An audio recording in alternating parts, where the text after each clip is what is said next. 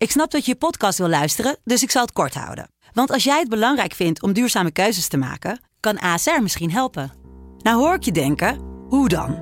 Nou, bijvoorbeeld bij het duurzaam herstellen van schade. Of de premies die we beleggen volgens ons duurzaam beleggingsbeleid. Dat bepaalt waar we wel en juist niet in investeren. Wil je meer weten over welke duurzame keuzes ASR maakt? Ga dan naar asr.nl slash duurzame keuzes. ASR doet het. Zo, dan kan je nu lekker naar je podcast luisteren. Joost Klein is gonna represent the... Who the fuck is this guy? Joost Klein is een veelzijdig man. Rapper, muzikant, netwerker, stijlicoon, marketeer, wereldbestormer, schrijver. In de podcast Joost Klein 12 points belichten we het fenomeen Joost aan de hand van 12 punten. Joost Klein, doe de point. Joost de Klein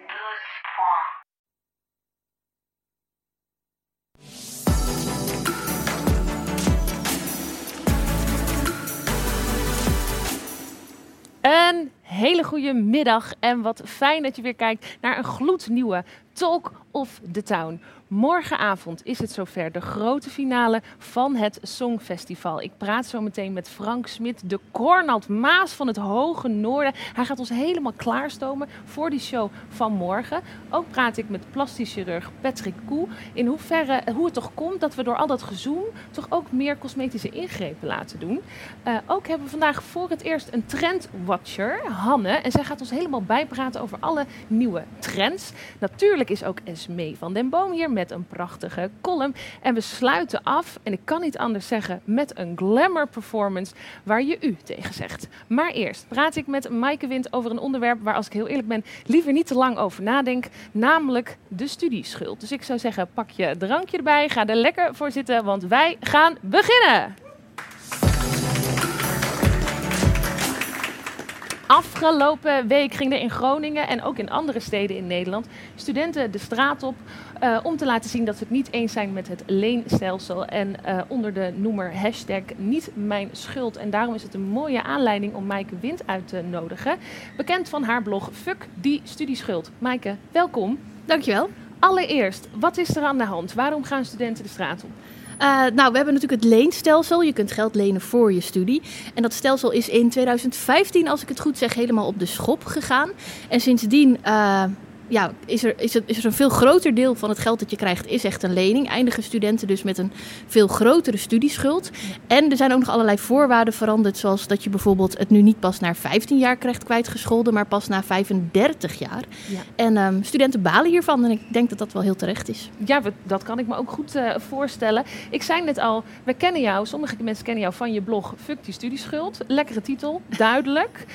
Laten we even beginnen met jouw studieschuld, want die staat nu op op nul. Ja, dit Sinds is mijn droom. december. Sinds ja. december. Ja. Maar die stond niet altijd op nul. Die was bijna 52.000 euro.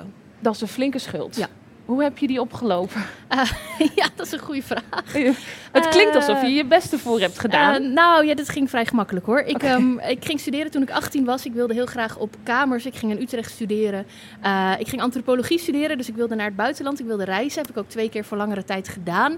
En um, daarvoor had ik geld nodig. En ondertussen was het op een gegeven moment ook wel zo dat ik een beetje gewend raakte aan dat het wel lekker is. Dus ik had op een gegeven moment die lening op maximaal staan. En iedereen zei tegen mij: Ja, weet je, na je afstuderen krijg je een baan. Komt het allemaal vanzelf wel goed. Dit is de beste lening die je kunt hebben. En op dat moment wilde ik dat ook heel graag geloven. En toen ik afgestudeerd was, heb ik ook nog een master journalistiek gedaan. En de tweede studie, dat is in het geheel een lening.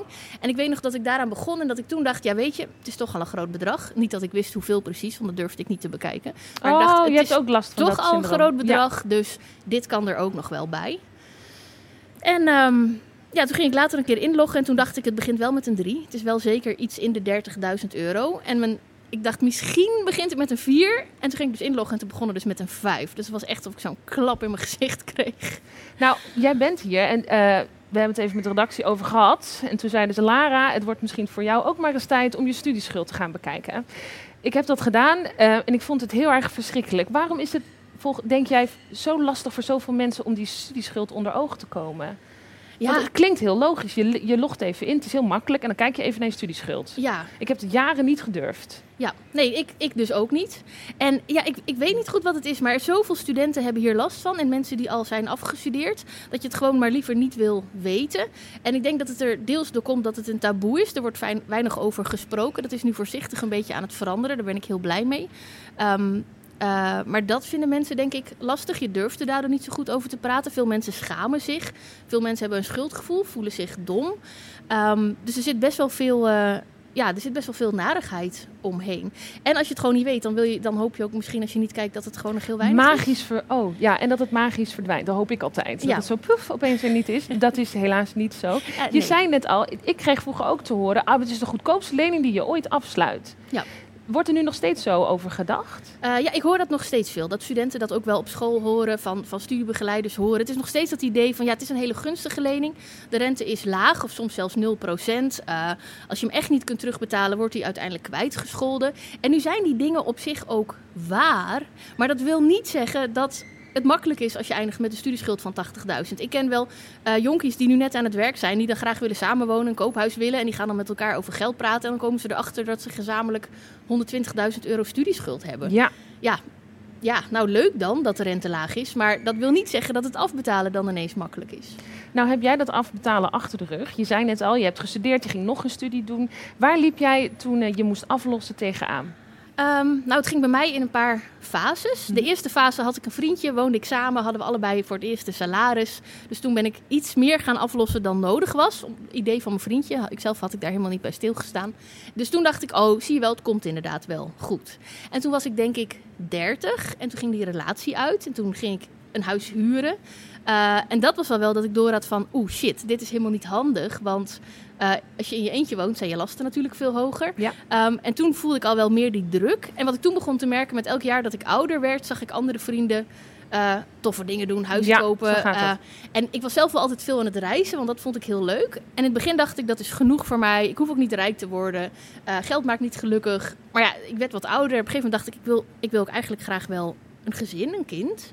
Eh, en ik ben nog steeds heel overtuigd vrijgezel. Dus ik dacht, ja, ik moet dat in mijn eentje gaan doen. En toen dacht ik op een gegeven moment, ja, ik moet iets veranderen. Want dit gewoon niet aflossen. Ik heb het aflossen zelfs nog vijf jaar lang helemaal stopgezet. Ik dacht, zo ben ik gewoon niks aan het opbouwen. Maar zou, zou kunnen zeggen dan dat de wens, ik wil een kind... Was dat voor jou het punt dat je dacht, en nu... Nee, het was een aflossen? onderdeeltje ervan. Ja, Maar het was, meer, het, was, het was denk ik ook dat ik op een gegeven moment was ik bijna 35. En tot die tijd had ik nog het idee, ik ben jong, de hele wereld ligt nog open, alles kan nog. En die 35, toen ging ik ineens bedenken, oh, als je 35 keer 2 doet, dat is 70. oh, daar denk ik liever niet Ah. aan. Nee, ja. Maar toen begon ik me te realiseren van als ik wat wil, dan moet ik wat doen. Dan moet ik niet gaan denken dat ik nog 20 jaar jong ben en daarna wat ga ombouwen. Dan moet ik iets gaan doen. En dan denk je, ik ga iets doen. En dat heb je gedaan. Jij bent in, ik ga even spieken hoor, 2019 ben je begonnen met die schuld aflossen. Ja. Die is afgelost. Ja. Hoe dan? Ehm, 30.000 euro ik heb uiteindelijk dik 30.000 euro in twee jaar in gedaan. twee jaar. Ja, Ja. nou willen we allemaal toch weten. Nou, vertel maar Maaike, hoe gaan we dat Nou, doen? wat het, het begon bij mij dus met het punt dat ik echt dacht, ik ben er zo zat van. En toen ben ik een berekening gaan maken. Toen heb ik gewoon heel globaal mijn maandbudget, wat ik normaal binnenkreeg en uitgaf, heb ik op een rijtje gezet. En toen dacht ik, als ik nu zoveel mogelijk categorieën op nul zet en dus zo goedkoop mogelijk ga leven. En ik wist toen nog helemaal niet dat ik dat wilde, maar ik dacht, ik ga het gewoon uitrekenen. Ja, En ik wist, als ik dat niet zou doen en ik zou zo langzaam doorbetalen, zou ik op mijn 48ste van die studieschuld af zijn. Nou, dat was wel echt dat ik dacht, wow. dat is wel een schrikbeeld. Dat wil ik liever niet. En toen ging ik dat dus uitrekenen. Toen heb ik dus echt kleding op nul gezet, uitgaan op nul, reizen op nul, uit eten op nul. Gewoon alles op nul. En toen hield ik natuurlijk een bedrag van nou, iets meer dan 1000 euro per maand over. Plus ik kreeg natuurlijk vakantiegeld. Ik had af 13e maand. En toen ging ik dat uitrekenen. Toen bleek als ik zo echt ga leven, dan ben ik er in twee jaar vanaf. Maar en dit punt heb ik ook wel eens bereikt. Want ik ben op zich wel goed om in theorie te bedenken wat ik zou moeten doen om dan vervolgens te sparen. Maar Ja. dan komt het eh, stuk dat je dat moet gaan doen. En ik denk dat met mij veel mensen daar niet helemaal komen. Ja, hoe nou, heb jij ik- dat gedaan? Ehm, wat bij mij toen dus al heel erg hielp, was dat scenario van of ik ben 48, of ik ben nog gewoon eh, in de 30 als ik klaar ben. En toen ineens was het voor mij gewoon zo logisch dat ik dacht, ja, ik ga dit doen. En ik dacht toen nog wel, het gaan twee helse jaren worden. Maar ik dacht, dat heb ik er dan voor over. En ik begon gewoon na de eerste maand, dat was januari 2019. En toen merkte ik al dat het lekker was. Dat mijn stress ging meteen een heel eind naar beneden. Geen dingen kopen bleek veel leuker te zijn dan ik dacht. En ik ontdekte allemaal voordelen die ik niet had zien aankomen. En dan, want dit vind ik fantastisch. Maar in, dat, in, dat, eh, in die twee jaar dat je dat een grote bedrag hebt afgelost, ben je ook moeder geworden. Nou weet ik dat je als eh, moeder, ook als jonge vader, nogal te maken krijgt met zo'n lekkere marketingmachines die jou gaan vertellen dat je allemaal hele dure dingen moet kopen voor dat fantastische kindje dat gaat komen. Hoe Ja. heb je dat dan gedaan? Nou, ja, het kindje was inderdaad fantastisch. maar ik heb, nee, ik heb dat gewoon genegeerd. Ik heb heel veel spullen geleend en gekregen. En ik heb zelf bijvoorbeeld een, eh, ik heb een eh, kinderwagen gekocht. Zat een autostoeltje bij in. En zo'n buggy eh, geval. En tweedehands voor 200 euro. En dat was denk ik mijn grootste uitgave. Wauw, want dat Ja. hoeft dus gewoon helemaal Nee, niet. want al die ouders zitten met kleine kinderkleertjes die ze maar drie keer aan hebben. Dus ik heb allemaal kleding kunnen lenen en weer door kunnen geven. Meubels heb ik van een vriendin gekregen. Daar had ik wel geluk mee, want dat kan duur zijn. Ja. En al die dure dingen. Ja, ik had op dat moment een auto die was 500 euro waard. Je kunt inderdaad kinderwagens kopen van 2000. En ik weet nog dat ik één keer in zo'n winkel was en dat ik om me heen zat te kijken. En dat ik echt bijna de slappe lach kreeg van, van, van die kinderwagen. Daar kan ik vier keer mijn rijdende, goedgekeurde auto van kopen. Dit is een hele goede om te Ja. onthouden als we in de prenataal zijn. Kinderen zijn in het begin dus, als je wil, heel goedkoop. Het hoeft helemaal, helemaal niet zo Nee. duur. Nou heb je een blog, ik zei het al, fuck die studieschuld. Waarom ben je die begonnen? Ehm, nou, dat heb ik een half jaar gedaan nadat ik zo fanatiek aan het aflossen was. En precies omdat ik dacht, dit moeten mensen weten. Ja. Dat dit leuk kan zijn, dat dit relaxed kan zijn. Dat het niet twee jaar of hoe lang dan ook, maar eh, een hels leven hoeft te betekenen. En doordat ik daar zelf zo verbaasd over was en hoe lekker ik me over dat aflossen voelde, toen dacht ik, nou ja, ik ga je gewoon over schrijven. Want dit, ehm, ja, er zitten zoveel mensen met die studieschuld. En Ja. eh, dit geluid hoor je nooit. Dus Je zegt dat het kan heel leuk zijn, maar jij weet natuurlijk ook eh, dat het voor veel mensen lastig is. Waar, noem eens een belangrijke oorzaak. Waarom vinden we het moeilijk? Ehm, nou, als ik naar mezelf kijk, dan was het toch echt wel schaamte en het idee dat ik het niet zou kunnen. Als ik nu zelf terugkijk, dan was de periode voordat ik fanatiek ging aflossen, was veel moeilijker dan de periode dat ik dus bezig was. En dat was toch ook, ja, het gevoel hebben dat je geen toekomst hebt. Dat klinkt nu heel zwaar, maar echt het idee dat je denkt, ik wil iets opbouwen of ik wil een koophuis of ik wil dit of ik wil in het buitenland wonen, maar dat je bij alles voelt, Laat Ja. maar. er is nog zo'n groot, dit, dit, dit, dit, la- ja inderdaad, laat maar. Dit lukt mij toch niet. Dat gevoel. En met dat gevoel leven is gewoon best wel zwaar. Ik krijg heel veel berichtjes van studenten of net afgestudeerden die ook niet durven te kijken. Die zeggen, ja, mijn vriend weet het niet, mijn ouders weten het niet. Ik durf er met niemand over te praten. Er zit echt heel veel, ja, het kan echt heel veel psychische gevolgen hebben. Nou, eh, ben je, heb je geld afgelost. Maar wat doe je nou met ander extra geld? Ehm, nou ja, ik heb, ehm, ik heb eh, eind vorig jaar ontslag genomen. Dus ik ben nu aan het werk als ondernemer. Ik Ja. geef onder meer aflostrainingen. Ehm, dus daar verdien ik nu geld mee. Maar dat is een hele nieuwe wereld die ik moet ontdekken. Dus hoewel ik het heel leuk vind, eh, ben ik nog steeds even zuinig aan het leven. Want eh, heel rijk worden, dat is nog niet gebeurd, zeg maar. Nee. nou, ik zou het ook heel grappig vinden als je nu opeens zou zeggen... ja, en ik heb drie Ferraris voor de deur staan. Ja. Nou geef je aflostrainingen, zeg je al. Even, maar even voor de mensen die nu kijken en voor mij. Stel je wil vandaag al beginnen. Wat is nou een hele concrete tip? Wat kan ik nu al doen? Als je echt heel graag iets wilt doen, dan zou ik zeggen... ga inloggen bij Duo, kijk wat je hebt staan en maak 5 euro extra over. Gewoon een symbolische daad. Een symbolische daad. Dus laat dat ene biertje even staan. Ga naar Duo. En Nou, ga dat biertje kan je er gewoon bij nemen. Want je moet het wel een beetje leuk Maar je maken moet voor het ook jezelf. een beetje leuk maken, dat aflossen. Maaike, heel erg leuk dat je hier was. We gaan zeker jouw blog even checken. En ga lekker zitten, want we hebben een heerlijke show. Ja. Mag ik een applaus voor Maaike? Dankjewel. En ja, ik zei het al, van eh, Maaike gaan we naar Hanne. En Hanne die weet alles over de nieuwste trends. Want het fijne aan Hanne is, is dat als je Hanne hebt gesproken, dan ben je weer helemaal bij. Want bijblijven met al die trends die gaande zijn, dat is doodvermoeiend. Hanne, welkom. Nou, dankjewel, Je Lara. komt meteen aanzetten Ja. met een halve kledingkast. Ja, ja, dat is een beetje hoe ik de dingen doe. Ja, Eh, als vriendinnen op bezoek komen, dan krijgen ze ook gelijk een hele tas mee. Zo werkt het nou eenmaal. ik, allereerst moet ik toch zeggen, je ziet er fantastisch uit. Ja, Ja, dat Songfestival thema, dat zit er bij jou al helemaal in. disco ball ready. Je zei tegen ons, ik ben een lifestyle artist. Dat moet je Ja. even uitleggen. Nou, dat is gewoon dat je een leven leeft. En dat sprankelt. En het is groot en meeslepend. En dat heeft een soort van weerklank op anderen. En die denken oeh. En als je daarvoor open staat en als je die oeh beantwoordt met een hey, wil je dit anders lenen? Oh, hier zou je dit bij aan moeten trekken. Dan kan het dus heel erg leuk worden. Dus eigenlijk creëer jij een beetje dat oeh-gevoel. Mensen willen denken, Ja. Hanne, waar ben je mee bezig? Ik wil dat ook. Ja, gewoon een soort van personal hype man en de hype man zijn. Je bent een personal hype man. Nou ja, dat zou je zo kunnen zeggen. Nou, dat gaan we ook vanaf nu Ja. zo zeggen. Hanne, eigenlijk is het heel simpel. Wat moeten wij weten? Wat zijn de trends? Wat is jou opgevallen? Nou, ehm, we hebben drie grote thema's voor vandaag. Ja. We hebben de wolvenvesten. We hebben de Carlo... Wolvenvesten? Ja, de wolvenvesten, je hoort het goed. We hebben de Carlo Colucci truien en de Coogie truien. En we hebben de nieuwe piercing shop in Groningen. Laten we dan maar gewoon meteen beginnen met wolventruien. Ik Eh, zie... ja, Ja, ik, ik heb het idee dat het te maken heeft met de grote eh, hoop naast jou. ja ehm, daar gaan we zo meteen eh, mee beginnen. Ik ga eerst even een klein stukje vertellen over de wolvenvesten aan zich. Ja. Want het is eigenlijk nu een beetje de return of the wolf fleece. Oh, want zo noemen we ze. Precies, De ja. wolfvlies. En eigenlijk doet het een beetje denken aan de Griekse mythologie, het gouden vlies. Mhm. En dat is ook een beetje het gevoel wat je erbij krijgt. Want dit zijn vesten die in de jaren negentig echt gewoon gedragen werden. Het is ook al een poosje geleden. En nu krijgen die vesten weer een soort van revival. En is die revival dan dat we het met de knipoog gaan dragen? Het is een beetje een fashion parodie, maar nog steeds zijn er dus mensen die deze vesten van de jaren negentig nog steeds dragen. Dat En zijn jij hebt een paar foto's meegenomen. Ja. Daar gaan we ook ondertussen even naar kijken. Ja. Want er zijn dus mensen die dat helemaal niet ironisch, gewoon Nee, volle maar die, overtuiging... die ze gewoon nog hebben. Dus Ja. dit doet een beetje denken aan, oké, welk vest vind je in een oude caravan? Het Wolvenvest. En die mensen hebben hem gewoon aan. Ja. En er is dus nu een Wolfvest Appreciation Society op Facebook. Waar mensen dus foto's maken van andere mensen die wolvenvesten of dierenvesten aan hebben in het wild. En daar dan Oh. een soort van appreciation aan geven. Dus die kan je, je spot zo iemand met Precies, zo'n vest. in het wild. Maak je een foto van. En dan zet je hem op die Wolfvest Appreciation Society En dan ben je groep. onderdeel van die society. Exact, ja.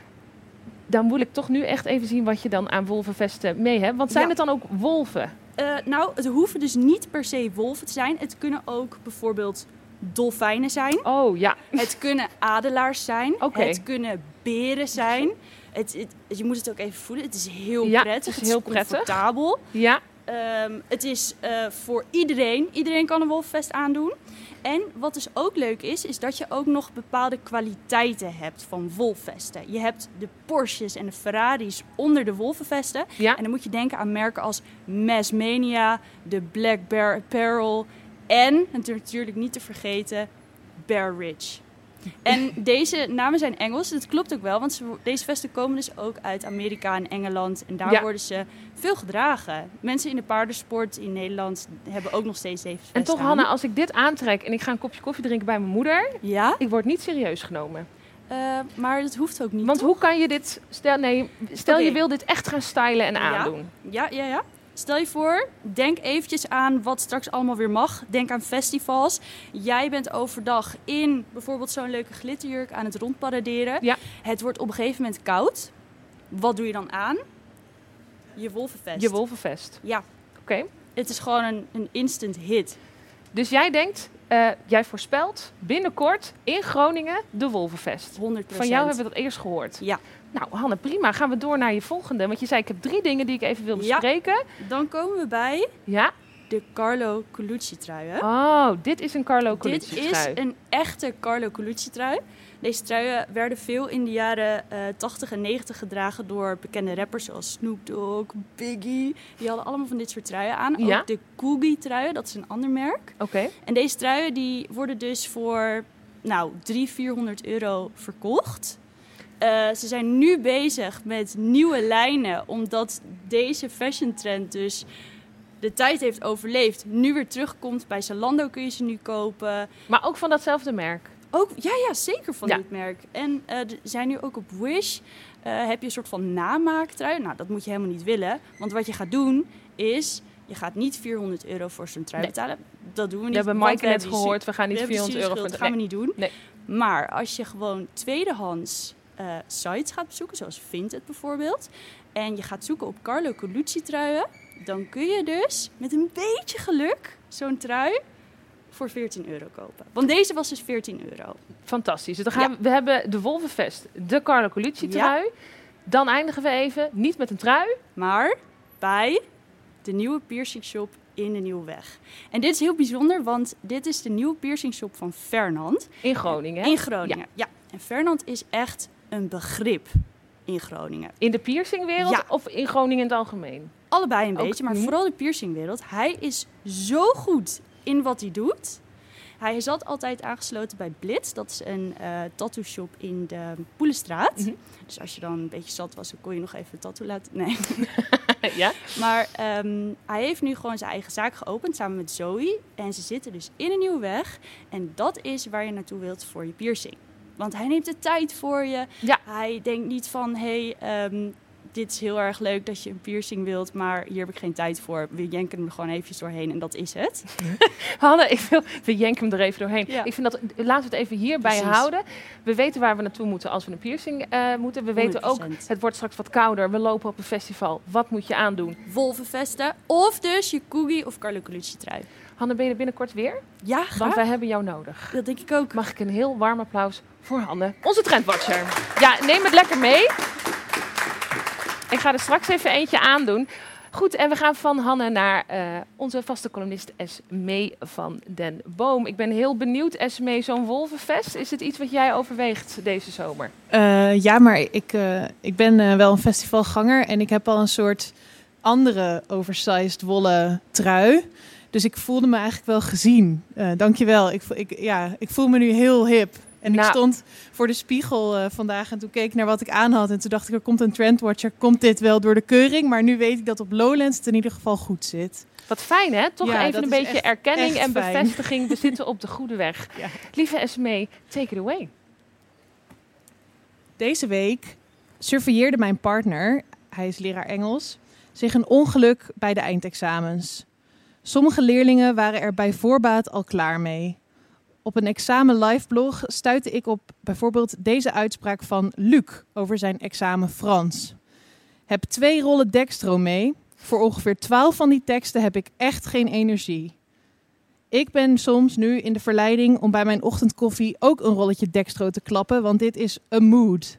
Als ik mijn mailbox ook ochtends open, voor ongeveer 29 van deze 30 e-mails heb ik echt geen energie. Het is dat ik weet dat ik op mijn leeftijd suikerkaters met dezelfde venijnigheid kan laten toeslaan als mijn twee rode katers thuis. Als ze buurkat Jan weer eens door de hun territorium zien paraderen.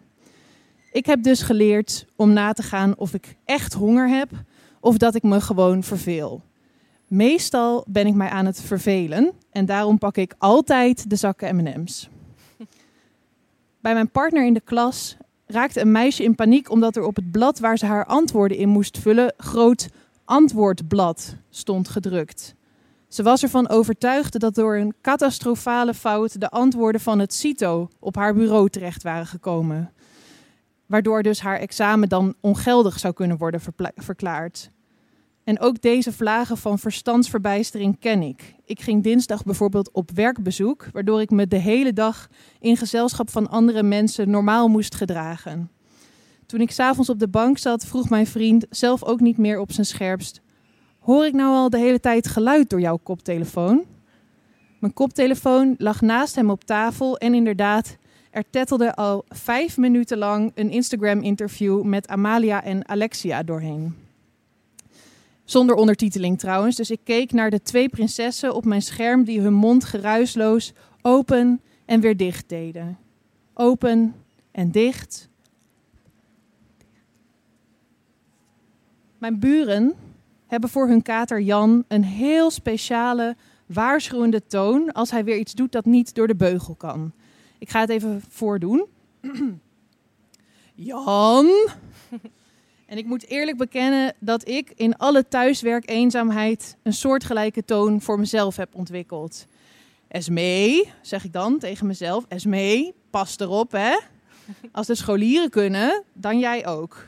Beantwoord je mails. Stop met het staren naar de prinsessen. Je verveelt je, je hebt geen honger. Aai je katten, loop met je hond. Er ligt, helaas, geen antwoordvel op tafel. Maar ik heb gehoord dat normering meevalt dit jaar. Dankjewel, SB. Goed, we kennen het vast allemaal. Eindeloze Zoom-sessies en dan geconfronteerd worden met je eigen gezicht... dat er helaas niet altijd even vrij uitziet. Al die uren naar jezelf turen, dat kan behoorlijk frustrerend zijn. Zelfs zo frustrerend dat veel mensen besluiten om naar een cosmetisch arts te gaan. Aangeschoven is Patrick Koel, plastisch chirurg... die het aantal behandelingen de afgelopen jaar, jaren, inmiddels misschien anderhalf jaar... heeft zien verdubbelen. Zeg ik, dat klopt toch? Ja, ongeveer wel. Ja. Dat, Ja. eh, we zien dat het eh, drukker geworden is en druk blijft. Dus eh, ja. Want wat is nou precies het effect van corona op deze behandelingen? Nou, op deze behandeling specifiek, eh, dat is natuurlijk mogelijk dus dat mensen in Zoom-sessies zichzelf wat vaker terugzien. En daar bepaalde dingen, hè, als ze zichzelf eh, zien waar ze zich misschien al langer aan storen. Maar ik denk dat natuurlijk ook de toename in deze aantallen voornamelijk ligt dat mensen nu meer tijd hebben voor herstel. Ze kunnen thuiswerken, dus ze hoeven Ja. geen vrij meteen van werk. Mensen zien, eh, de collega's zien er niet. Maar ook daarnaast natuurlijk, mensen hebben één keer wat meer geld over omdat we ja, minder geld kunnen uitgeven aan andere leuke dingen. Dus Want er is dus zeker wel een effect eh, in de tijd waarin we zitten en eh, het ondergaan van zo'n behandeling. En wij lichten even het stukje uit Zoom-effect, wat toch echt wel een begrip is. Wat ik me ook eigenlijk wel ergens kan voorstellen. Je ziet je hoofd helaas niet altijd helemaal flatteus. Heb jij dan ook echt mensen die dan naar je toe komen en zeggen: Nou, ik zag mezelf zitten bij zo'n vergadering, ik kan er niet meer aanzien. Patrick, help mij. Ja, jawel, ja, die zijn er zeker. Ja.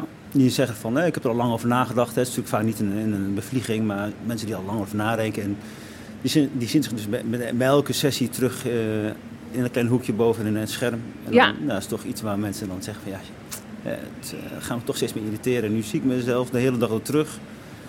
Dus nu, eh, dat is voor mij dan de reden om dan nu de stoute schoen aan te trekken en eh, de afspraak te maken. Dus dat eh horen we wel regelmatig terug. En wat zeg jij dan als iemand? Want wat is dan jouw reactie?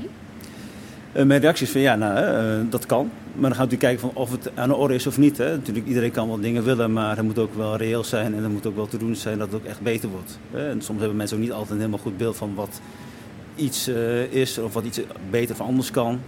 Ja, dus want je moet wel zegt een beetje passen, zeg maar, en van wat mogelijk is dat ook nog wel een beetje normaal eruit blijft zien. Want dat is natuurlijk ook wel belangrijk.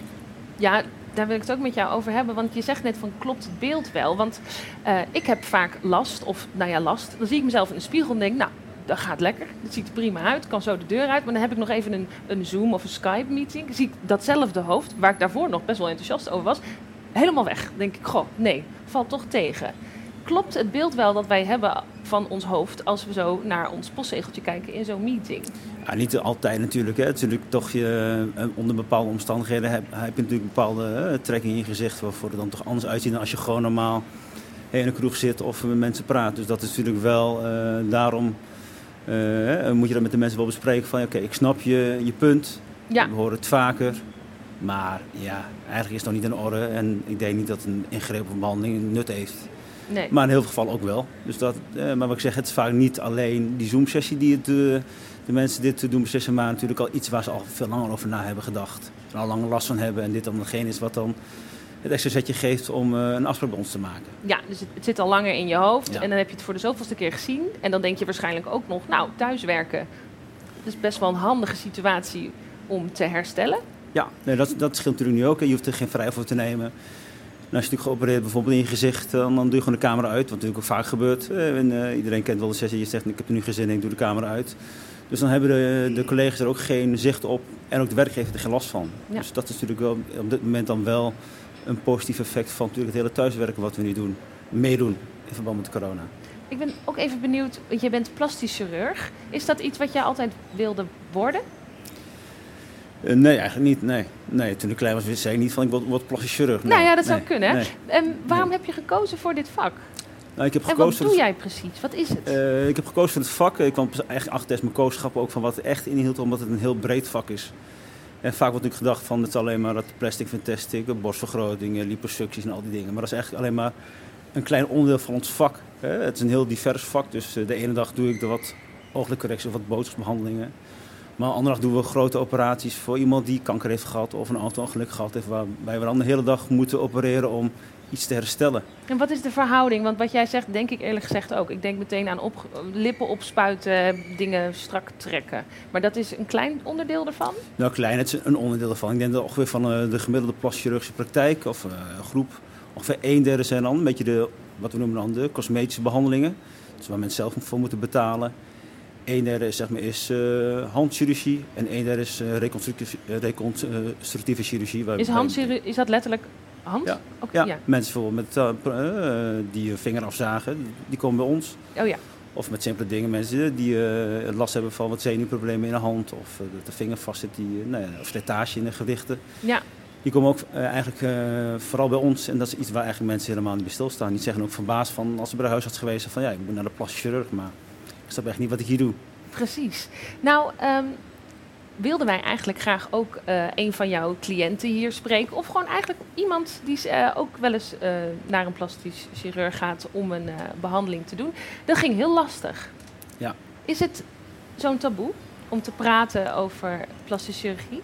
Eh, ik denk niet dat het meer een taboe is. Dat is natuurlijk wel geweest. Je ziet nu wel va- steeds vaker als ik de mensen ook eh, spreek met, met cliënten die, eh, die het over hebben. Die zeggen van ja, ik heb het over gehad. En dan hoor ik toch ook dat mijn buurvrouw of mijn nichtje of een tante het ook al een keer gedaan heeft. Dus mensen die willen er wel over praten. Maar om er echt zeg maar, heel openlijk over te zijn, ze staan niet meer te koop. En waar ligt, waar- waarom niet, denk jij? Nou, dat vind ik lastig. Dat, misschien toch ook de regio misschien. Natuurlijk hier in het noorden zijn we toch misschien wat meer ingetogen aan het westen van het land of in, in Amerika. Eh, dus dat is eh, ja, altijd lastig eh, te verklaren. Wat ik me ook afvraag, want ik, mijn kapper, als, die ziet overal bij iedereen hoe de kapsels eruit zien. Want daar is ze altijd mee bezig. Je voelt hem denk ik al aankomen. Ja, ja. Zit jij nou ook naar mij te kijken en denk je, nou, er, kan, er gaat al wat hangen, er zou toch alvast iets kunnen veranderd kunnen worden? Nee, eigenlijk niet. Nee. Dat, maar eigenlijk niet, maar stiekem wel of helemaal niet? Nee, eigenlijk helemaal niet. Want ja, weet je, voor mij interesseert me eigenlijk niet van hoe iemand eruit ziet. Hè. Het is natuurlijk voornamelijk van wat die patiënt van zichzelf vindt. Hè, je, je, zulke dingen doe je natuurlijk alleen voor jezelf en niet voor de buitenwereld. En eh, het is natuurlijk ook zo heel wisselend. De ene patiënt stoort zich aan iets waarvan iemand denkt van ja, waarom duurt het überhaupt? Dit is me nooit opgevallen. Dus Maar hier zeg je trouwens, je, maar oh ja, je doet het voor jezelf en niet voor de buitenwereld. Maar Ja. is dat helemaal waar als je overspoeld wordt met zo'n buitenwereld die er allemaal perfect uitziet en helemaal gladgestreken is? In hoeverre doe je dan nog iets voor jezelf? Nou, eigenlijk, eigenlijk altijd. Dat is ook degene waar ik dan eigenlijk altijd naar vraag. hè, Van waarom doe je iets? Ja. Eh, want dat is natuurlijk wel voor mij belangrijk om te weten. Ook met de vraag natuurlijk of, ik- of ik dan de cliënt kan helpen of niet. Want als iemand zegt ja, dit en dat. En ik denk ja, dat is niet een heel, echt een hele reële vraag waarbij je kan helpen. Dan doe ik het ook niet de behandeling. Want dat, ze moeten er natuurlijk wel beter voor worden. En dat, is vaak al, dat kan soms een lastig iets zijn. Dat de mensen iets graag willen. En dan zeg van ja, ik snap het probleem, maar ik kan je toch niet helpen. Wat zeg je wel eens? Nee, dat doe ik niet. Jawel, jazeker. Eh, wa- ja. Wat zijn dan dat soort. Wat voorbeeld, wat is een voorbeeld? Ja, dat is natuurlijk wel, eh, dat is, eh, kan dus wel lastig. Sommige mensen willen dan toch misschien te veel van bepaalde dingen. Bijvoorbeeld een tijdje geweest dat mensen wat eh, meer volume willen hebben in hun lippen, bovenlippen. Is dat nu Ja. de trend? Gewoon volle? Nee, net, dat is nu niet de trend. Het is een tijdje misschien wat geweest. Maar dat is natuurlijk een, iets wat veel voorkwam. Wel dat mensen gewoon eh, volle lippen waren. kwamen met bepaalde foto's van Instagram. Ik vind, ja, ja, dat past natuurlijk mooi in het plaatje bij degene van Instagram. Maar eh, dat past niet bij jou. ik En dan zeg jij, nee, dat gaan we niet Nee, doen. ja. Want dan heb je in één keer opeens een hele dikke lip en dat past niet bij Nee, jou. het past niet. Alles, het, het moet allemaal bland zijn. Ja. Natuurlijk, het heeft geen zin om een bepaald deel van het gezicht heel strak te trekken en dat de andere delen heel slap en rimpelig zijn. Want dan ja, heb je niet een mooie balans in het gezicht. En dat is eigenlijk het belangrijkste. Want zo blijft het een beetje natuurlijk eruit zien en niet onnatuurlijk, wat je natuurlijk niet wil. Dus je bent eigenlijk best wel de hele tijd dan als bezig, om, want je moet het ook bijhouden. Wat ik me afvraag, want het is niet één, je doet één keer een spuitje en het is strakker. Daar ben je, ben je altijd mee bezig. Dus wanneer stopt het? Ben je ooit klaar? Is er zeker, een- ja, zeker wel. Natuurlijk ook als mensen er gewoon klaar mee zijn. Hè. Eh, sommige mensen zeggen het eh, vaak wel op duur, nou het is wel mooi geweest. Maar wat je vaak wel ziet, dat mensen er wel, wel voor terug blijven komen eigenlijk. Want eh, het is natuurlijk relatief een makkelijke behandeling met eigenlijk weinig hersteltijd. Dus ja, bijvoorbeeld de mensen die behandelen voor, bijvoorbeeld voor migraine. Hè, die zeggen van, die komen maar één keer in de drie, vier maanden voor een botoxbehandeling. Zeggen van ja, dit is, eh, het eh, moet nog terugkomen. Het, ik ben er wel heel blij mee, want het geeft me heel veel meer ontspanning. Ik heb wat minder vaak klachten en wat minder ernstige klachten. Dus ja, dat vinden ze dan wel waard. Patrick, ik wil nog uren met je doorpraten. Heel snel nog, want dit eh, vraag ik. eh, je zegt migraine. Klopt het dat mensen zeggen: ja, nee, ik doe het omdat mijn migraine dan afneemt? Eh, deels wel, eh, en deels ook niet. Het grappige is dat sommige mensen is komen voor, een, voor het cosmetische, hè, voor die rimpel in hun voorhoofd. Ja. En als ze dan terugkomen en zeggen van nee, eigenlijk eh, die rimpel is, is eh, minder geworden, maar eigenlijk eh, heb ik ook minder last van migraineklachten. En dan komen ze zeggen, wordt het van iets cosmetisch meer functioneel. Oké, dus als iemand zegt: nee, ik doe het alleen voor de migraine, dat is niet helemaal onzin. Niet helemaal onzin, nee. Maar wel misschien wel een beetje. Het, het heeft een, een, een mooi bijkomend effect. Precies. Patrick, fijn dat je er was en dat je het hier even over wilde hebben. Ga lekker zitten. Mag ik een warm applaus voor Patrick?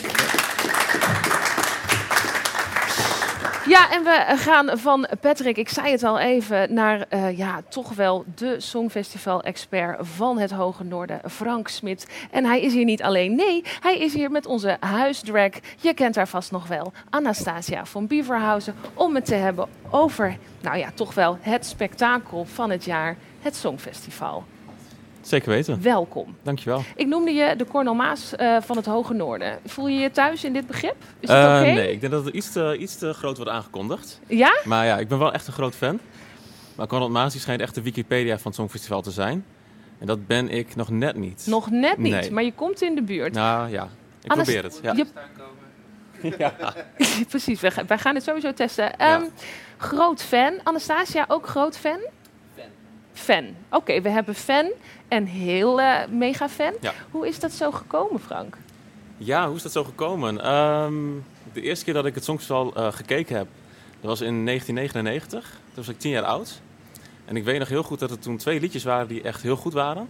Dat waren Zweden en IJsland. Ja. En toen kwam de puntentelling. En het bleef, tot het einde bleef dat spannend. Dus eigenlijk het laatste land gaf zijn, zijn of haar punten. En toen bleek uiteindelijk wie er gewonnen had. Ja, sinds, sinds dat jaar ben ik eigenlijk gewoon verslaafd. Heb ik het elk jaar daarna opgenomen op videobanden. en daarna Maar heel was vaak het, de- was het de, de- alleen de puntentelling waardoor je... Was het die spanning? Of was er ook nog een ander element? Ja, ook de, de liedjes natuurlijk. En de, de vlaggen, de artiesten. Dus jij als tienjarig jongetje zat aan de buis gekluisterd. Ja. Dat hele songfestival lang. Ja, Want de zeker. spanningsboog van een gemiddeld kind van tien is niet zo lang als de hele show duurt, Nee. lijkt mij. Ja, wel mij bij, ja, daarbij wel, ja. bij jou Dus, eh, wel. daar is wel begonnen, ja. Jij was meteen gegrepen. Ja, eigenlijk wel. Ja.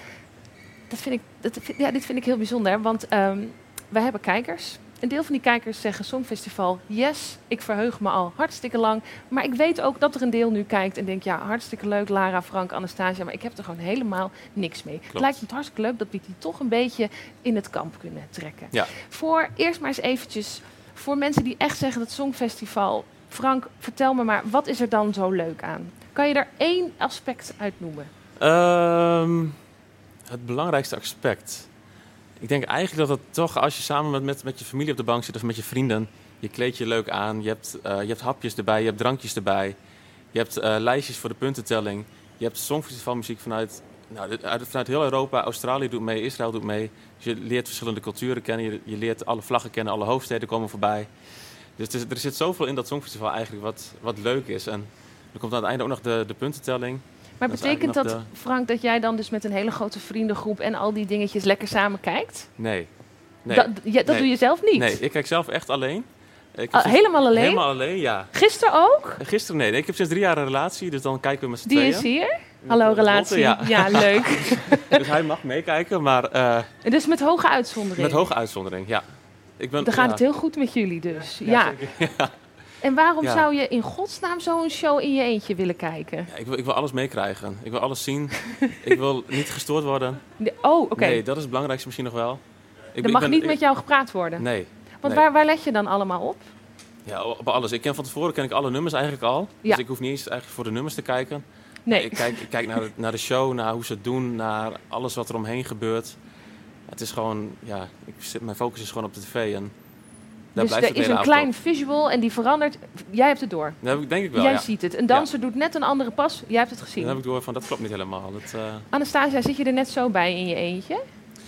Eh, nou, ik zit erbij met een glaasje wijn en de fles dan daarnaast. Maar, eh, En dat is helemaal oké. gezakt. En, Maar heb je met vrienden kijk je?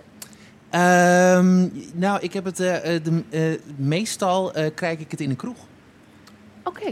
Ja, in de kroeg hier in Groningen, de Prins, daar zit ik meestal. En groot scherm. Maar gisteren niet. Gisteren niet. Nee, dit, is, dit is heel erg jammer dat het dit, dit jaar dat, dat dat niet kan, helaas. We hebben twee jaar geleden wel Duncan Lawrence daar zien winnen. Ja. En de spanning was zo intens. Ja. Iedereen was stil. Het was gewoon de- de- tot de laatste minuut gewoon niet clear wie er ging, ging winnen. Ik heb weer kippenvel nu je het hierover begint. En wij hebben gehuild. Ik heb mannen zien huilen aan de bar. Het is verschrikkelijk. Dramatisch. Nou, maar goed, het was ook een dramatisch moment. Een dramatisch, fantastisch moment. Zeker. Frank, neem eens ons mee, want jij bent dus niet iemand... Jij zag dit van mijlenver aankomen. Dat we gingen winnen? Ja. eigenlijk wel, ja. Wanneer begint dat? Ehm, toen het nummer bekend werd, toen dacht ik van dit is wel echt een heel goed nummer. Maar jij dit- kan een nummer horen en dan denk jij... Dit wordt misschien wel een winnaar. Ja, het verschilt per jaar. Mhm. Want soms heb je hebt een jaar, bijvoorbeeld in 2012 in Zweden gewonnen met eh, Euphoria natuurlijk. Ja. En dan zie je eigenlijk van tevoren aankomen, nou die gaat sowieso winnen. Maar waar zit En het dat- hem dan in? Want je zegt Ja. het nu heel makkelijk. Want ik heb het gisteren wel al die acts gekeken. Ja. Ik heb geen idee wat gaat winnen. Ja, ik dit jaar dus ook niet. Oh. Nee, het, het kan denk ik alle kanten op. Er zijn wel tien landen die kunnen winnen. Ja? Er is geen één land wat er echt bovenuit steekt. Dus ik ben heel erg benieuwd. Ik, ik, durf het, eh, ik durf het niet te zeggen. Het is een spannend jaar voor jou. Ja, zeker, Maar ja. toch ga ik, gaan we het je wel vragen. Als we nou eens moeten... Drie grote kanshebbers, Frank. Want je bent nu de expert van Ja. het noorden. Dus je komt er niet meer onderweg. Wie maken er nou echt kans? Dan ehm, mag ik er vier kiezen. Je mag er vier kiezen. Dan ga ik voor eh, Malta, Zwitserland, eh, Frankrijk en Italië. En waarom die vier landen? Ehm, wat, hebben, wat hebben zij dan... Ja, in hun categorie muziek zijn dit eigenlijk de grootste, de grootste, heeft, de grootste hitpotentie, denk ik. Gaan we eerst Malta? Want wa- wat is daar de hitpotentie? Dat is een, een, een uptempo, catchy nummer wat je snel meezingt. Wat er leuk uitziet op het podium. Waar gewoon eh, jongere mensen denk ik vo- voluit op gaan stemmen. Dus dat is zeker een kans hebben. Ja? Ja. Dan zei je, wat zei Italië? Eh, Italië bijvoorbeeld. Ja? Ja, dat is niet echt mijn smaak. Maar eh, het is, dat is een beetje hard rock-achtige muziek. Ja, half Eh, naakt in leren pakken half- met ja, hakken. inderdaad. Ja. gek, ja. En eh, ja, het, is, het is wel hele goede muziek. Ze doen het heel goed volgens mij. Ehm, dus ik denk zeker dat dat wel een kans hebben. Dus dat er een heel groot publiek voor is. Dus ik denk wel dat zij ook kans En maken. wat waren die andere twee die je net zei? Zwitserland nog Ja. en ehm, moet ik even nadenken, Frankrijk. Frankrijk. Anastasia, had jij dit ook al een beetje bedacht? Nou, ik weet dat eh, Italië sowieso eh, heel hoog in de pols staat. Ja, maar wat, in jouw persoonlijke poll, waar staat, wat staat daar dan bovenaan? Eh, Litouwen vond ik heel erg leuk. Die heeft het geopend dit jaar. Hele leuke act. Oekraïne. En ja, het is niet mijn smaak, maar ik ja, denk Italië. Ja. Nou, eh, gaan morgen heel veel mensen kijken. Mensen zoals eh, jullie, fans, eh, mensen zoals Frank, die alles weten. Ja. Ook mensen die denken, nou weet je wat, vooruit, het is dit keer in Rotterdam, doe maar. Wat kan je nou doen om zo'n avond nog wat specialer te maken? Zodat je niet alleen maar op je kont naar de tv kijkt. Ja. Nou, wat ik, wat ik net al zei, is, het is natuurlijk heel leuk, voor mij dan niet, maar voor andere mensen natuurlijk heel leuk om... Maar bij jou moeten om, we er niet aan nee, beginnen. Nee. gezellig met je familie en met vrienden gewoon kijken. Een Ja. hapje, drankje, eh, puntenlijsten erbij. Je kan de optredens cijfers geven. Je kan aan het eind een eigen top 10 maken, een eigen top 5 maken. Bijvoorbeeld de afgelopen halve finales, dan vind ik het heel leuk om, eh, om elk land een cijfer te geven. En dan kijk ik welke tien landen ik de hoogste cijfers heb gegeven. En dan, kijk ik, dan vergelijk ik dat natuurlijk met de tien landen die uiteindelijk doorgaan. En mijn doel is uiteindelijk om een keer 10 uit 10 te hebben. Maar dat is tot nu toe nog nooit gelukt. Als het nou Dat, dit eh, jaar wel lukt, wil je dat ons even komen vertellen? Tuurlijk, zeker. Ehm, ik ga even van jou naar de borrelbox. Want eh, je zat misschien al te denken, wanneer gaat het erover hebben, de heerlijke borrelbox? Want dat hebben wij hier van het NOK, het restaurant erboven. Daar kan je elke week kans op maken. En dan kan je Talk of the Town kijken met allemaal lekkere hapjes. Maar dit keer gaan we dat net iets anders doen. Want, en je merkt hoe blij ik hiervan word, we hebben een Songfestival-editie van deze borrelbox. Dat betekent dat we een box hebben die je morgen nog kan ophalen, zodat je die fantastische finale met de lekkerste hapjes kan kijken. Nou, hoe kan je die nou winnen? We hebben een kleine mini-quiz voorbereid. En met we heb ik het natuurlijk over onze expert Frank. Dus ik zou zeggen, Frank, pak de camera. Drie vragen. Voor degene die deze drie vragen goed hebben, die maken kans op die fantastische borrelbox. Nou, helemaal goed. Ja, ik heb drie vragen gemaakt. Eh, de eerste vraag is: eh, Het Songfestival begon in 1956. Hoeveel punten heeft Nederland opgeteld door de jaren heen behaald? Dus vanaf 1956 tot en met 2019, hoeveel punten heeft Nederland bij elkaar opgeteld behaald? En je mag de halve finales vanaf 2004 mag je buiten beschouwing laten. De tweede vraag is: ehm, In 1975 won Nederland voor de vierde keer het Eurovisie Songfestival. En het gebeurde met Tietje in en het liedje Dingedong. Uh, hoe vaak komt het woordje dong voor in dit liedje? Dus het liedje Dingedong van Tietje in. Hoe vaak komt het woordje dong voor in dit liedje? En dan gaan we naar de derde vraag. En dat is, uh, deze gaat over een van de presentatrices van het Songfestival. Dat is uh, Edcilia Rombly. Um, zij deed zelf al twee keer mee aan het Eurovisie Songfestival. In 2007 haalde ze de finale niet. Maar in 1998 ging het haar een stuk beter af. Zij uh, behaalde met haar nummer Hemel en Aarde een mooie plek. Um, welke plek heeft zij toen behaald? Dus op welke plek is zij geëindigd in 1998 met het nummer Hemel en Aarde? Succes! Als je het antwoord weet op deze drie vragen, dan uh, ga je natuurlijk als een malle naar ons Instagram-account, Talk of the Town 050. En daar kan je antwoord geven op deze vragen. Maar mocht je nou denken, oh Frank, dit ging veel te snel, geeft helemaal niks. Want in onze stories zijn de vragen van Frank nog één keer te lezen. Dus ga er naartoe, beantwoord die vragen natuurlijk wel goed. En wie weet zit je met die fantastische borrelbox morgen naar de show der shows te kijken. Goed, Frank, ontzettend bedankt dat je hier even was. Uh, ik heb voor jou, want ik heb begrepen dat jij morgen naar het Songfestival gaat. Ja, ik ga naar Rotterdam, zeker, ja. Jaloerser kan ik niet zijn. We hebben speciaal voor jou een Talk of the Town vlaggetje. Mag Dankjewel. ik heel even je vlagmotoriek bekijken? Ik ga ze Komt proberen, dit goed? zo. Mag ik dat van jullie ook allemaal even zien? Ja? Oh ja, dat gaat hartstikke goed. En met het vlaggetje in onze hand gaan wij naar, en ik zei het al, een glamour performance van de enige echte megaster Anastasia van Bierverhausen. Die, ik kan niet anders zeggen, een ode brengt aan het fantastische Songfestival. Lieve mensen thuis, mag ik een heel hard en hier ook applaus voor de enige, de echte Anastasia van Bierverhausen.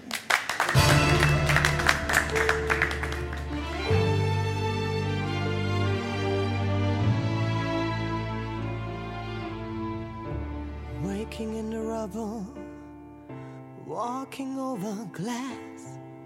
Neighbors say we're trouble. Well, that time has passed. Peering from the mirror, no, that isn't me. A stranger getting nearer. Who can this person be? You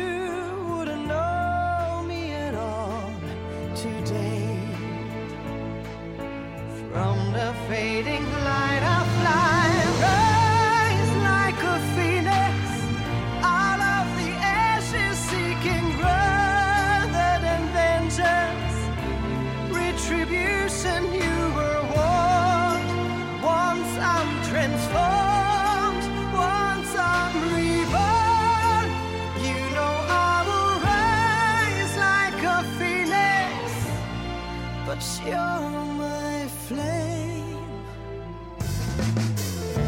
Go about your business, act as if you're free. No one could have witnessed what you did to me.